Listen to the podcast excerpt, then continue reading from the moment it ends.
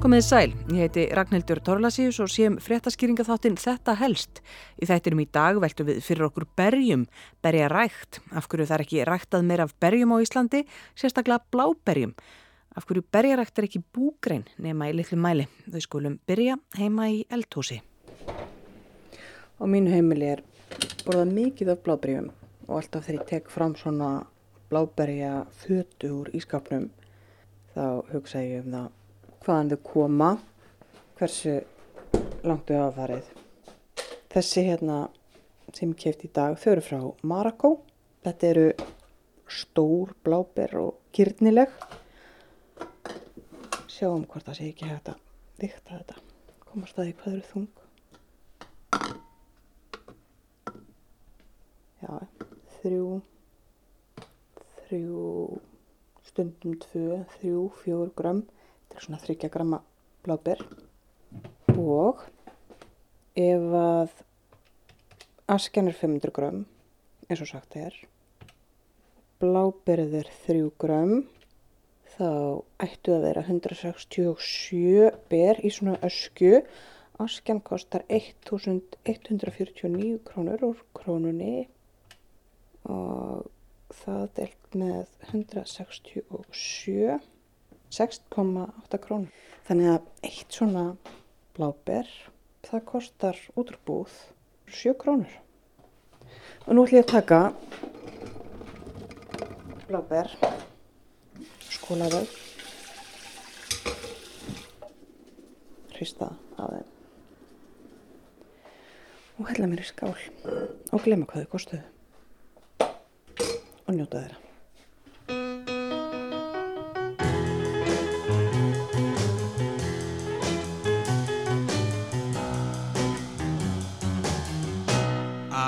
Found my thrill on Blueberry Hill. On Blueberry Hill. When I found you. Í hvert sinn sem að ég opna svona bláberjafötu hugsa ég um hvaðan þessi ráðundýru en bræðgóðu ber koma, stundum allarleið frá Chile skilst mér og ég hugsa um alla þessa rosalegu aðfangakeðjum, rektunina úti, pökkunina, kælinguna, kassan utanum allar bláberja plastföturnar, vörubrettin, liftarana, gámana, fermingu, flutningarskipið út á rúmsjó, óljuna, affermingu, vörubíl, vörugemsla, kæling, dreifing í verstanir. Væri kannski hægt að einfalda málið og rekta þetta hér í gróðurhúsum. Og hugsið ykkur ný íslensk reppa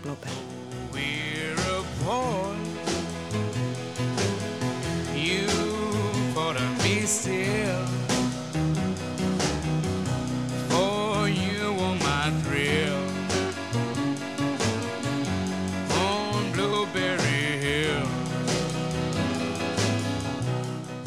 Af hverju rækta Íslandingar ekki bláber í atvinnuskinni og ekki bara bláber svo sem alls konar ber. Ég ringdi Jón Arnarsson garðirkjufræðing, hann er núna garðirkjustjóri í Múlaþingi en kendi áður við garðirkju skólan og þegar ég spurðan hvort hann væri ekki reynslubolti í berjamálum, jankaði hann því. Jú, bæði hef ég nú aldrei aðeins eh, verið að nota það kennslu og, og námskeiðum en svo verið að rækta ber sjálfur. Var með svolítið stórt land í flóanum þar sem við vorum bæði með berjarinn úti og eins svona köld plastgróðurús þar sem við vorum með ímiskona berjarækt og, og áhersla. Þannig að maður segja, jú, ég hef bæði fyrst að þetta sjálfur og, og eins komið að þessu kennslu og námskeið.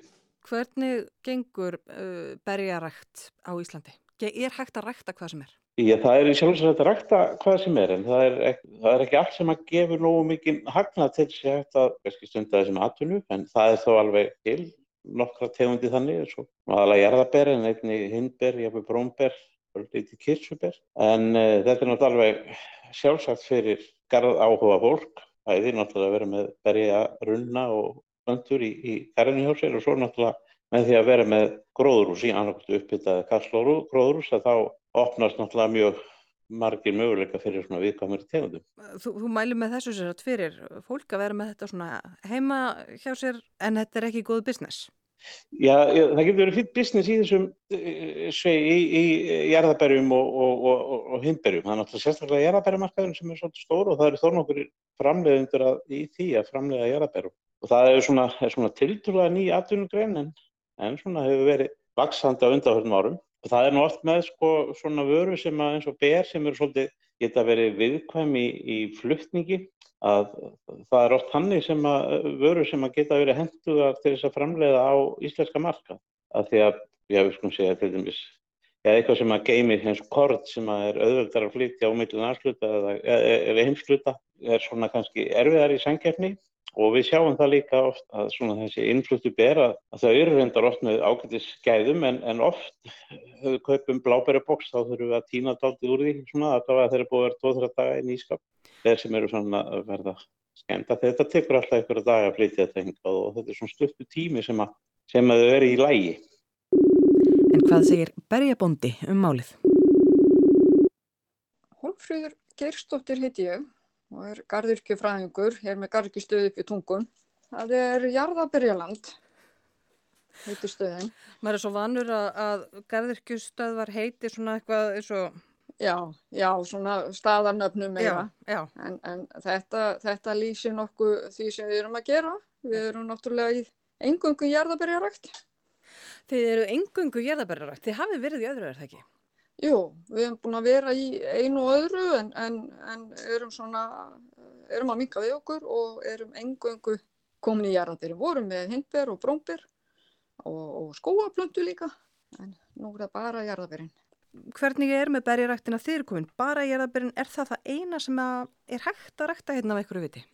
Nei, það er nú hægt að rækta í sjálfur sér nánast allt, en uh, það er... Uh, kostnaðurinn við ræktunina, hann er mikill og, og þess vegna eru við að, að horfa á einhverja, einhverja ákveðna tegundir sem að, sem að kannski gefa betur af sér en aðrar og erum að, kannski með þessari ein, einföldun í ræktun þess vegna, fyrst og nefnst út á kostnaði. Holmfríður hefur aðeins þyktað við bláberjaræktun, skulum koma því síðar.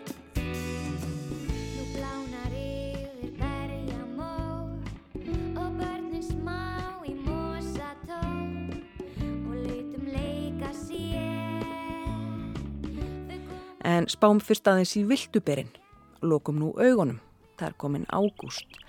Finnum elin frá sólinni og ilmin af berjalinginu, setjum snýra þúfu, leggjum frá okkur berjafötuna, lögumst til þess að týna upp í okkur berinn og finnum sætsúrt bragðið af bláberi sem strangt til tekið hefði átt að enda í fötunni og setna í skál með rjóma.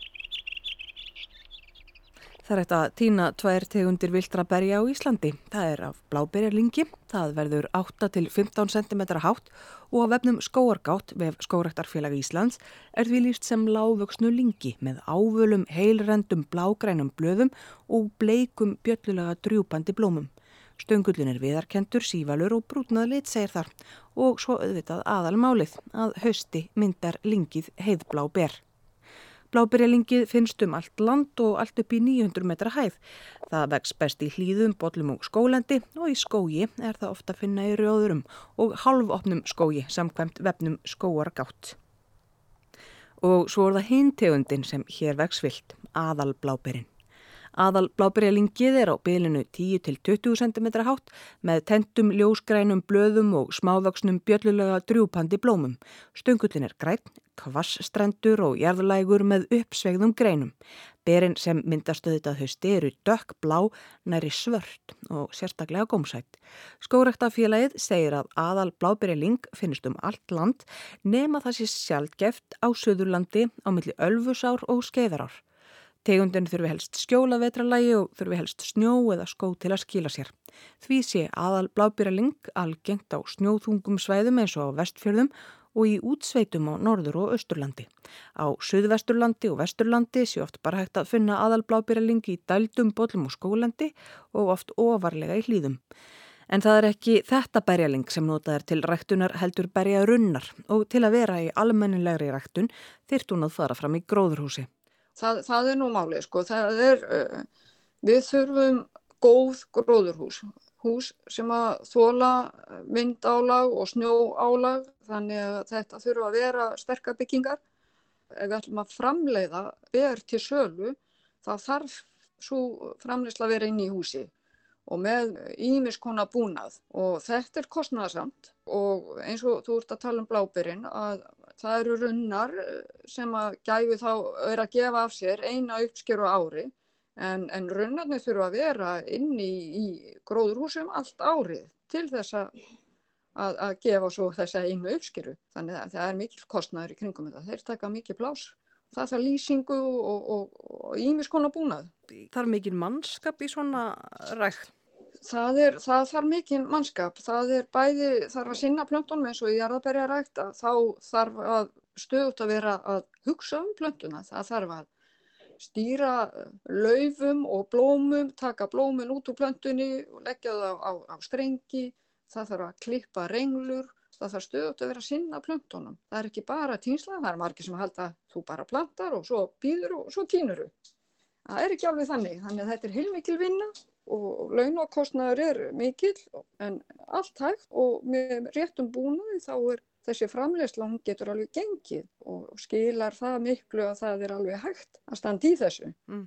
Þið hafið prófað að vera með því að þú hefur prófað að rækta bláber svona kannski meira þetta skemmtunar eða hvað? Já, ég var með hér nokkra bláberi að runna og þeir gáðu alveg hellingaberjum, góð ber og ég var nú að selja þetta hérna svolítið þegar ég var með þetta fólk var hrifið af þessu en þetta er bara dýrt að, að fara út í þessa framlöslu þannig að við hættum því. Svona 500 gramma fata út í búð kostar rúmlega 1000 kall, 1100, 200 eitthvað svo leiðis. Er verðið úr búð miklu herra en það, á þessum innflyttu berjum? Já, já, það, það þýrst að vera það. Mm. Já. Já.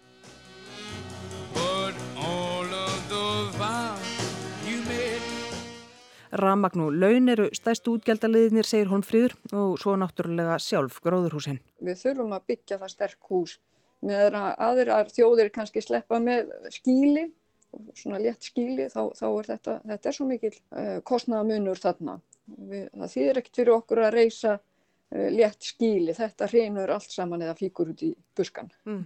Þið lenduð í því? Við lendum í því, já. Ég veit hvernig það er. Þannig að 22. februar á síðasta ári þá hrundi húsið hjá okkur. Það voru ríflega 2000 fermetrar sem fóru og, og nú vorum við búin að byggja aftur. Og það verið öll uppskeran farið þá? Þá fóru öll uppskeran. Það var mikið að berjum tilbúið sem áttu bara týna daginn eftir og, og næstu dag og eftir. Við vorum komið með hilsásræktun og uh, það fór bara allt saman. Þannig að við þurftum að byrja upp á nýtt og erum núna að stilla upp ræktuninni þannig að við verðum með hilsásræktun þar að segja við tínum vikulega og sendum frá okkur allar vikur ásins uh, ber í Veslanir. En það uh, var þarna alveg, verður alveg rétt ríflega ársstopp uh, í týnslu og þannig að fyrstu berin frá okkur þetta árið þau fari ekki fyrir en um mánu á móti mars-april. Já, þá er vonu á þeim í, í Veslanir. Já, þá ættu eitthvað að, að fara í búðir. Það gengur sem sagt ímislegt á í berjaræktun. Jón Arnarsson, gardirkjufræðingur sem heyrðist í fyrirþættinum, hann prófaði að rækta einsar tegundir berja í köldum gróðurhúsum í flóanum. Jarðaber, brómber, hindber og nokkrar aðrar tegundir auk amerískra bláberjaruna. Ekkert endar á ýmsu hjá okkur í þessu að því að Plönturna þurfa nú að vera svolítið þroskaðar áður en að fara að bera almennilega ber. Það reynir ungar þá fara að koma með eitthvað smá þess að berjum en það þurfa vera nokkra ára gamla svo uppskerinn sem verður góð. Og við fengum svo sem ágættis uppskeru í okkar húsum en áttum í alveg harðri sangeppni við, við þresti, bæði skóaþröst og svartröst sem að voru e, vildur um gerðnan e, fá að vera með í, í berjartíslinni. Þeir eru vittlisir í bláber. Og við reyndar vorum prófum ímis ímis konar húsar á sko. Við, eitt var að setja álpappir í kringu plöntunar þannig að fæla frá og það virkaði í svona tvo daga. Þá föttuður að þetta var platt. Og við settum net og það var ekki alveg að gera sig almenlega því að fuglarnir vildi festast í og, og eftir það svona heila ákvaðu það að þetta væri bara kapplöp að reyna að ná einhverjum berjum og undaðum og yfirleitt tapaðist það nú kapplöp en þetta er samt vel hægt.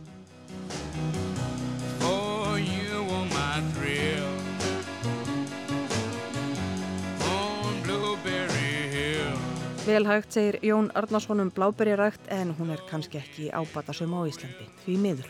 Ég heiti Ragnhildur Torlasíus og í þetta helst í dag hellaði um ber, bláber. Takk fyrir að hlusta, verðið sæl.